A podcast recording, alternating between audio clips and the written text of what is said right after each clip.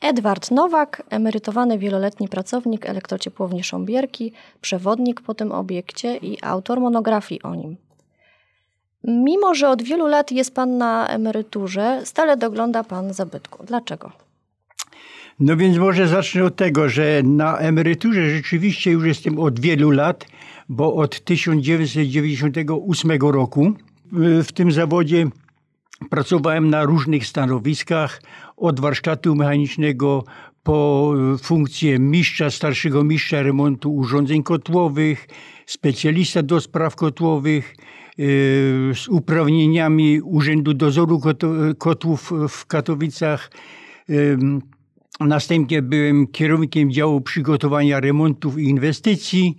No i na końcu, będąc już powiedzmy u schyłku mojej pracy zawodowej, kiedy już w Sząbierkach e, nie było potrzeby e, przeprowadzania jakichś takich większych remontów, Zostałem przeniesiony do dyrekcji w Miechowicach, ponieważ razem z elektrownią Sząbierki tworzyliśmy zespół elektrociepłowni Bytom.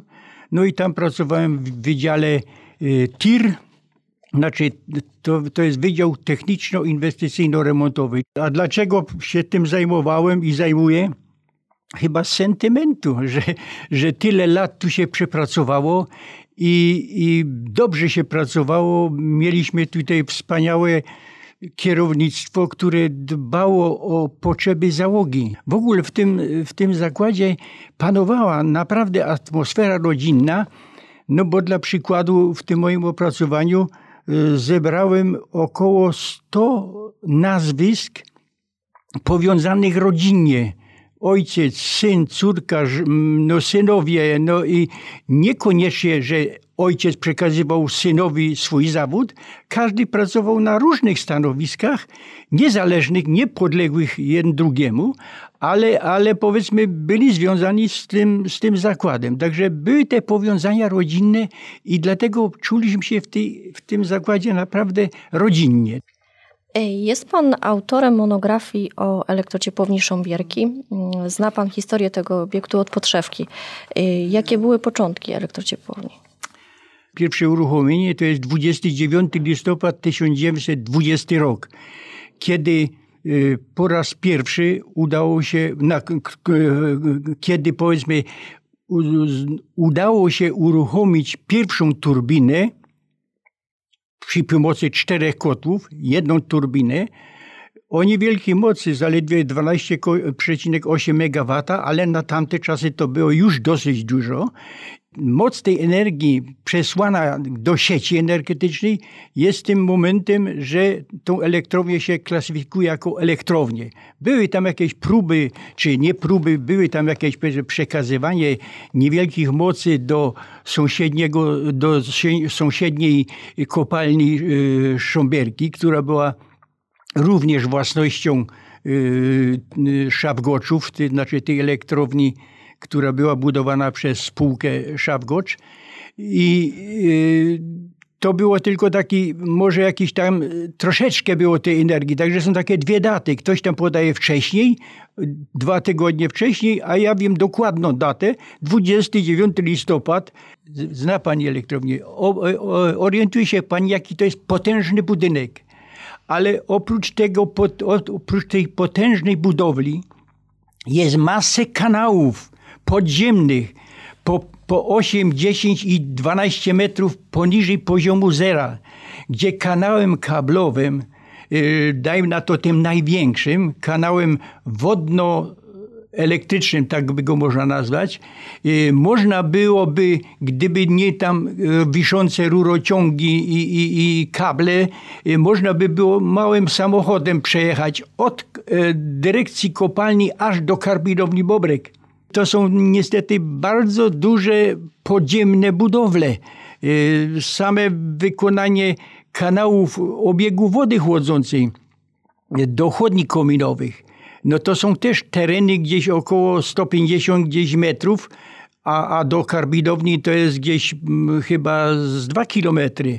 Nie? To to wszystko trzeba, e, trzeba było wykopywać i, i, i powiedzmy i obmurowywać. Nie mając w tym czasie takich maszyn budowlanych, jakie mamy obecnie. Także tam większość robót prawdopodobnie było wykonane tak jak w Chinach przy pomocy e, przypadkowych e, robotników, prawda? No a że był to okres, że był to okres e, powiedzmy i bezrobocia, można powiedzieć w tym czasie i kryzysu gospodarczego, że na pewno, na, na pewno z naborem ludzi nie było kłopotu, ale samo zaprojektowanie, y, zamówienie tych wszystkich rzeczy, następnie wykonanie i jak mi ktoś tam pisze, że po ukończeniu I wojny światowej, która się skończyła w 1918 roku, za dwa lata 29 listopada już została elektrownia uruchomiona. To jest niemożliwe. Nawet takiego jednego budynku by nie wybudowano ta, e, w tak krótkim czasie.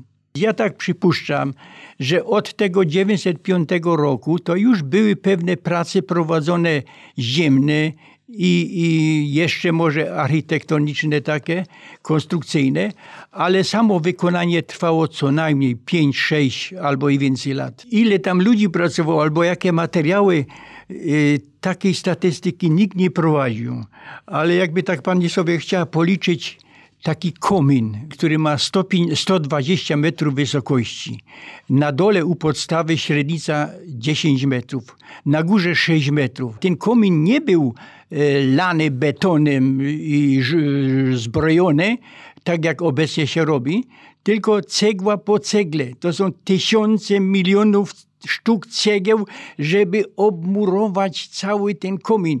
To jest powłoka zewnętrzna, a wewnętrzna do jednej trzeciej wysokości to jeszcze jest obudowa e, termiczna. To są znowu cegły szamotowe, które chronią powiedzmy przed, e, przed opalaniem, uszkodzeniem tego kominu. Także sam komin, ile tego materiału pochłania, a obecne elektrownie są budowane w inny sposób konstrukcja stalowa, blacha trapezowa, ciach, ciach i po wszystkim. Mhm. Nie?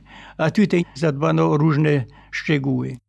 Na czym polega wyjątkowość budowli e, Zilmanów? Co wyróżnia katedrę industrialu e, na tle innych obiektów tego typu? No można powiedzieć tak, miałem możliwość zwiedzić i służbowo, i prywatnie no, w różnych okresach elektrownie które były tutaj w naszym rejonie i w całym kraju i nawet za granicą jedną elektrownię.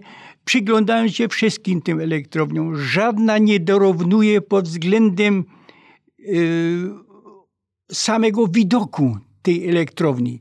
Y, jeżeli mieliście Państwo możliwość oglądać już na zdjęciach naszą elektrownię, a najlepiej z lotu ptaka, to ta elektrownia jest usytuowana na rozwydleniu dróg kolejowych. Dojazd do tej elektrowni był przez jedyny mostek, który tam jest nad tymi torami od strony południowej. Czyli już to jest jak gdyby taka fosa, gdyby te tory kolejowe pokazać jako rzekę z jednej i z drugiej strony, to my mielibyśmy dostęp do tylko wyspy takiej, prawda, poprzez ten mostek. Tak to porównują ten obiekt do, do powiedzmy do budowli y, Wawelu albo Zamku Krzyż, y, Krzyżackiego w Malborku.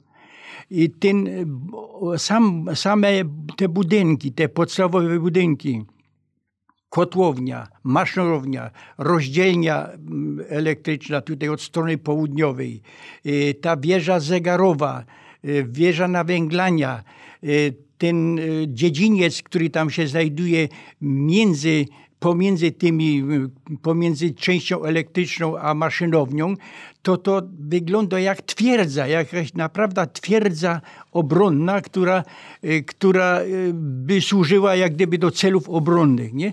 Czyli, że prawdopodobnie pomyślano tutaj pod względem obronności również, ale, ale przy okazji przez tą odpowiednią architekturą, którą udało się e, powiedzmy e, wykonać przez, przez tych Cilmanów, przez tych architektów Cilmanów, no jest to tak piękne, że naprawdę będąc w środku, w gabinetach dyrektora, w ogóle w poszczególnych biurach, korytarze, wykonane poręcze na korytarzach, wykonane z marmuru sztucznego. Pulpity obsługi na nastawni też były z marmuru zrobione. Okna takie, jak, jak powiedzmy, jak w kościele niemalże, takie witraże no, na e, wyposażenie w biurach, niesamowite wyposażenie w biurach, o które e, no, nie, nie spotkałem też jeszcze. Dosłownie dębowe meble, które do tej pory jeszcze się nie zniszczyły. Są gabinet dyrektora z takim potężnym stołem e, rozsuwanym, 12 czy tam ileś było foteli skórzanych. No, wystrój tego wszystkiego, wyposażenie, wyposażenie wszystkich pomieszczeń biurowych, korytarzy, warsztatów, y, które się znajdowały 150-200 metrów od budynku głównego w zegary. Wszędzie były zegary. W, w terenie było 50 zegarów e, takich typu Siemensa, tak jak, jak widzimy na stacjach kolejowych mniej więcej o różnych średnicach. No i to wszystko było tym wystrojem, którego nie spotkamy w żadnej elektrowni. Komu by się chciało oprócz wybudowania podstawowych urządzeń energetycznych, zajmowanie się tam powiedzmy takimi wystrojami, takimi, takimi głupstwami, dzisiaj by się można powiedzieć, bo to, to by był, byłoby zbytek wyrzucenie, pieniądze wyrzucenie na nic, bo to nie dało, nie dodawało więcej energii, a tylko poprawiało estetykę tego, tego powiedzmy obiektu. Nie spotkałem w Polsce i w Europie podobnego obiektu. Jak wyglądała praca elektrociepłowni w czasie II wojny światowej? Elektrownia ta y, przez cały okres wojny pracowała y, do chwili, do, do chwili zdobycia bytu przez wojska radzieckie. E, przez pewien okres czasu, przez tydzień czasu prawdopodobnie przypadkowa bomba upadając, wpadając, znaczy upadła na teren elektrowni, uszkodziła, uszkodziła w tym czasie kanał wodobiegowej, a w tym kanale znajdowały się rurociągi żeliwne o średnicy 1200 mm i tym sposobem e, wyciek tej wody spowodował konieczność odstawienia elektrowni do zera. Do zera to znaczy zupełne wyłączenie tej elektrowni z ruchu. A kto pracował w tej elektrowni w tym czasie? Ludzie z okolicznych miast, z okolicznych wiosek. Z Rokitnica, Wieszowa, e, Pyskowice, Łabędy, no i tutaj w kierunku Tarowskich Gór e, pracownicy którzy pracowali, mieszkali na terenie y, wcześniej y, tego polskiego Górnego Śląska i Ruda Śląska i z Rudy Śląskiej i tutaj także i piekary z tych, z tych okolicznych powiedzmy miejscowości. No, no najwięcej praco- przyjeżdżało pracowników tutaj ze strony zachodniej, Pyskowice, Łabędy, Wieszowa, Rokietnice. No i w, i w tym czasie jak się zbliżał front, to niestety nie można było, znaczy była obawa, że mogą drogą zginąć, prawda? Więc tym pracownikom niezbędnie potrzebnym, którzy musieli być obecni na zakładzie, żeby utrzymać tą elektrownię w ruchu, zakwaterowano na terenie elektrowni. Były tam zbudowane specjalne schrony pod warsztatami, pod warsztatem mechanicznym, pod kuźnią. Przed dyrekcją również był taki schron, ale ten schron więcej służył dla y, pracowników, dla pracowników biurowych, którzy w czasie nalotu, gdy był ogłoszony alarm, to się, to się chowali, do, no, czy uciekali do schronu. Ci pracownicy, którzy nie mogli odejść od stanowisk, bo to wymagało stałej, stałej obecności i obserwacji ciągłej urządzeń jak ciśnieniomierze, y, te, termometry, prawda, przepływy różne. Także te osoby miały na stanowiskach y, usytuowane takie bunkry jednoosobowe, żelbetonowe z takimi szczelinami do obserwowania wskaźników y, poziomu wody w Walczaku, czy powiedzmy temperatur i tym podobnych spraw, które było. I te, te, te, te powiedzmy bunkry całe były no, czy pracownik tam się tylko chował nie cały czas, w czasie, że, że trwała wojna, tylko w czasie nalotu. No i te bunkry tam na tych stanowiskach były do lat 60. Jak ja tam zacząłem pracować w roku 60, to chyba gdzieś 62 czy 4 dopiero żeśmy to zaczęli się tym zajmować, żeby to zlikwidować z tych stanowisk, bo to i szpeciło i było zbędne, nie?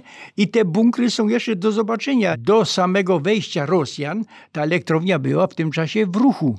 Oczywiście kierownictwo, które powiedzmy miało tam coś, jakieś zapatrywania nazistowskie, albo byli tam jacyś NSDAP czy coś takiego, czy mieli coś na sumieniu, to zdążyli uciec. Ale fachowcy, którzy się zajmowali tylko pracą, nie polityką, a takim był jednym z, z takich inżynierów był inżynier Kober, który był wrocławianinem i, i mieszkał w Rokietnicy i powiedzmy mie, pracował i mieszkał w tym czasie na terenie elektrowni, bo tuż przy elektrowni był znowu taki zielony domek dla pracowników elektrowni, że on mieszkał prawie że tutaj na miejscu tak służbowo, a, a, a oficjalnie, to znaczy z rodziną, to mieszkał w Rokietnicy. Nie? I ten inżynier Kober przy pomocy mm, pracowników, którzy tam byli, prowadził ruch elektrowni. Do kiedy y, elektrociepłownia pracowała pełną parą i kiedy nastąpiło jej wygaszenie? Więc ta elektrownia miała takie swoje etapy, tak trzeba powiedzieć, w latach 60., kiedy było zapotrzebowanie na każdy megawat energii elektrycznej, kiedy jeszcze może pani już nie pamięta, ale starsi na pewno pamiętają, że y, były takie zwane stopnie zasilania, że się wyłączało pewne, y, pewne zakłady, y, które nie były potrzebne w tym czasie, żeby tylko można było prowadzić jakoś tam, jakąś produkcję czy życie normalne mieszkańców. Więc w tym czasie ta elektrownia była taką elektrownią podstawową. Niewielka była to moc, bo zaledwie około 100 MW. Ponieważ y, w pewnym okresie czasu w naszym rejonie powstały inne elektrownie, z takich co ja pamiętam i w latach gdzieś 63, 4 była budowana elektrownia Halemba, nie? Potem Łagisza, Siersza, Skawina, Połaniec, no, no, no, no to pełno tych elektrowni, które w oku powstawało i taka elektrownia nasza to już nie miała, przestarzała urządzenia, były wysokie koszty eksploatacji, wysokie koszty produkcji tej energii elektrycznej. I po kolei ona się stawała taką elektrownią mniej potrzebną, że była później taką elektrownią szczytową, że zapewniała potrzeby produkcji energii elektrycznej w okresie, w okresie e, powiedzmy braku w innych, e, w innych, z innych elektrowni. Także niekiedy się zdarzało, że dwa albo trzy razy w ciągu doby została elektrownia odstawiana i ponownie uruchomiona. A każde takie odstawienie i uruchamianie to są dodatkowe koszty, bo to znowu trzeba od początku ogrzewać, żeby, bo to są potężne straty. Nie? No i ta elektrownia po kolei, po kolei okazała się potem coraz mniej opłacalna pod względem kosztów. To była już taką elektrownią tylko dyspozycyjną, no i tym sposobem ta elektrownia potem upadała już jako elektrownia. Jako elektrownia w ogóle, to znaczy elektrownia, to znaczy e, jako turbina ostatnia, która e, była o mocy 35 MW, która mogła produkować tę elektryczną, została e, zdemontowana w 1998 roku kiedy byliśmy już w tym czasie spółką akcyjną Skarbu Państwa. Ostatnim dyrektorem był y, inżynier Jacek Janas. No i on tą elektrownię prowadził jeszcze do 2011 roku. No potem już ta elektrownia przechodziła, jak powiedzmy i inne elektrownie, w elektrociepłownię.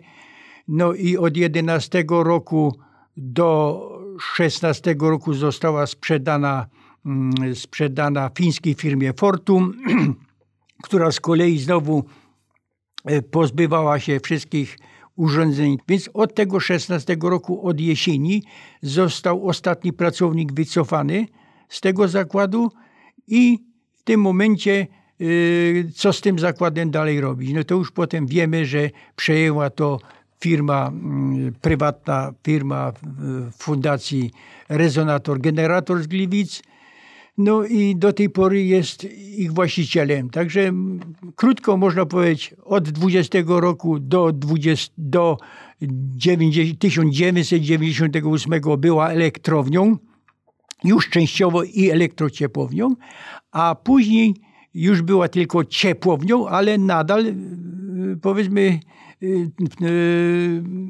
była pod, byliśmy wspólną jeszcze z zespołem elektrowni Bytom, to znaczy razem z Miechowicami. Nie? No i czyli, że od tego 16 roku zupełnie tam nie ma już żadnej produkcji, żadnych urządzeń y, związanych z produkcją ciepła czy energii elektrycznej. Dlaczego elektrociepłownia Sząbierki warta jest zachowania dla przyszłych pokoleń?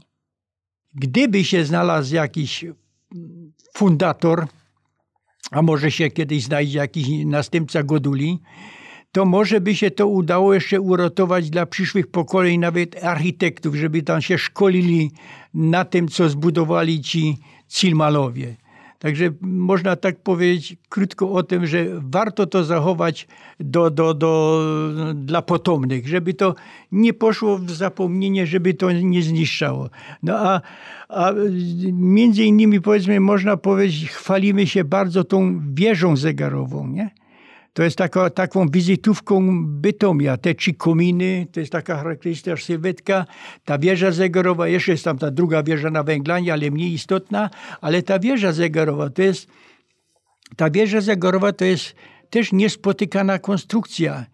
Ten zegar ma czterostronne tarcze i każda, każdy punkt godzinowy to jest otwór wymurowany o średnicy 300 mm, a tam jest grubość muru pół metra.